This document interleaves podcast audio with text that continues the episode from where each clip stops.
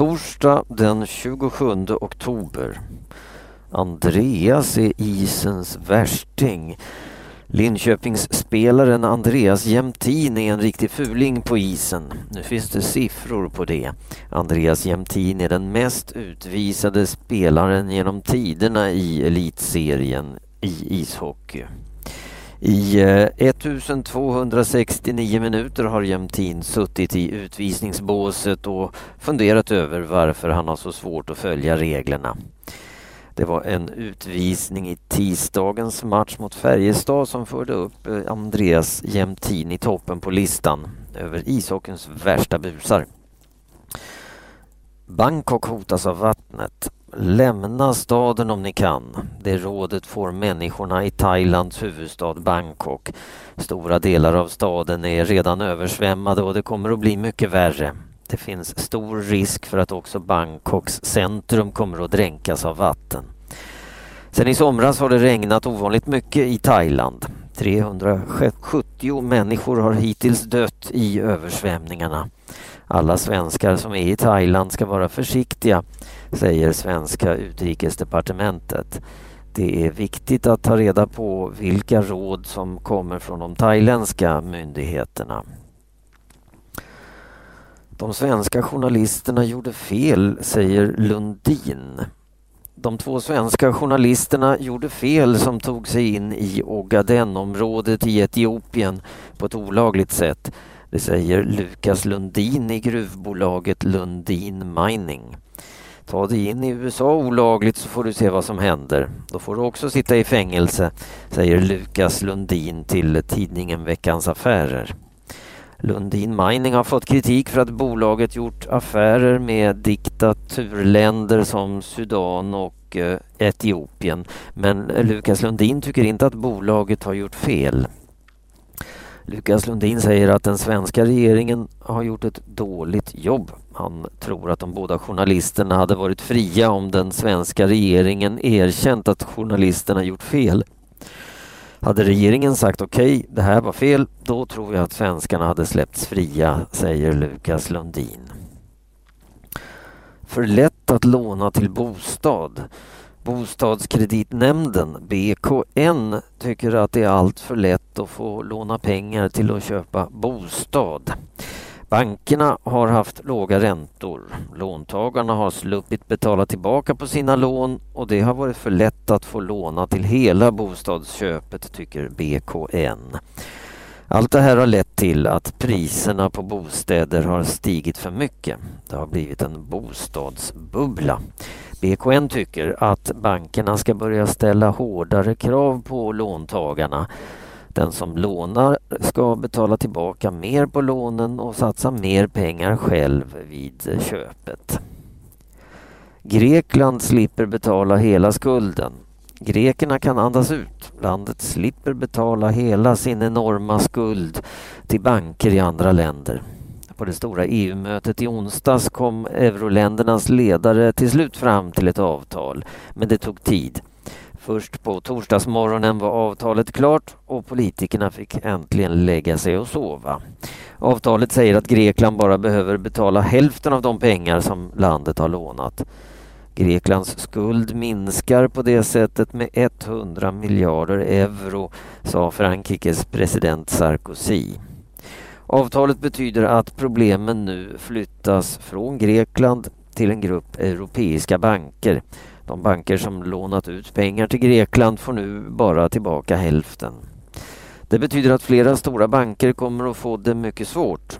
Eh, de banker som riskerar att få slut på pengar ska därför få hjälp. Bankens hemland ska hjälpa till med pengar. Om det inte räcker ska EUs krisfond, EFSF, användas. I den fonden finns 1000 miljarder euro. Greklands premiärminister Georgios Papandreou var mycket nöjd. Hans land har fått en ny chans.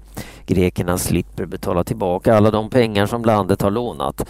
Nu ska bankägare och skattebetalare i andra EU-länder istället betala en del av skulden. Islamisterna störst i Tunisien. Det blev som experterna trodde. Det islamistiska partiet al-Nada vann eh, valet i Tunisien. Partiet fick flest röster och får flest politiker i landets riksdag. Partiets ledare Hamad Ibali blir troligen Tunisiens premiärminister. Många i Tunisien är oroliga över islamisternas stora framgång. En del kvinnor är rädda för att partiet vill införa regler som ger kvinnor mindre frihet än män. Men ledarna för islamisterna säger att partiet inte kommer att ha några krav på att kvinnor ska bära slöja. Partiet vill inte heller ha islamiska regler för bankerna. Vi ska inte heller förbjuda vin eller badkläder. Det vore att förstöra både för turisterna och för tunisierna, säger Hamad Ibal. Israel till hämndattack mot Gaza. Israeliska stridsflygplan anföll på torsdagsmorgonen det palestinska området Gaza. Flygplanen anföll en vapenfabrik och tre ställen där terrorister gömde sig, säger de israeliska militärerna. Attacken var en hämnd för en palestinsk eh, raketattack. Palestinierna sköt en raket in i Israel. Ingen människa skadades.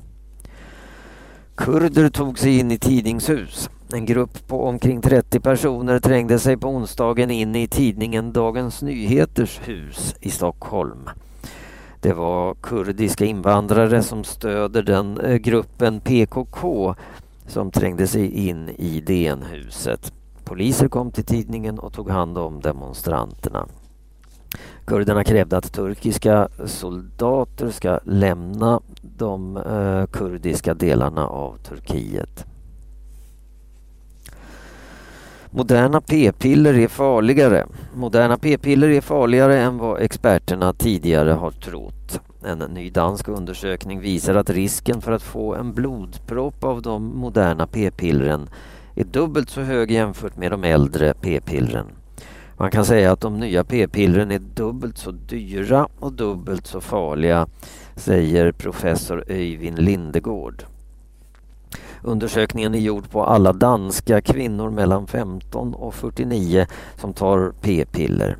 Att få en blodpropp kan vara livsfarligt. Sibirisk Pippi flög till Sverige. En mycket ovanlig fågel har setts på ön Understen nära Norrtälje.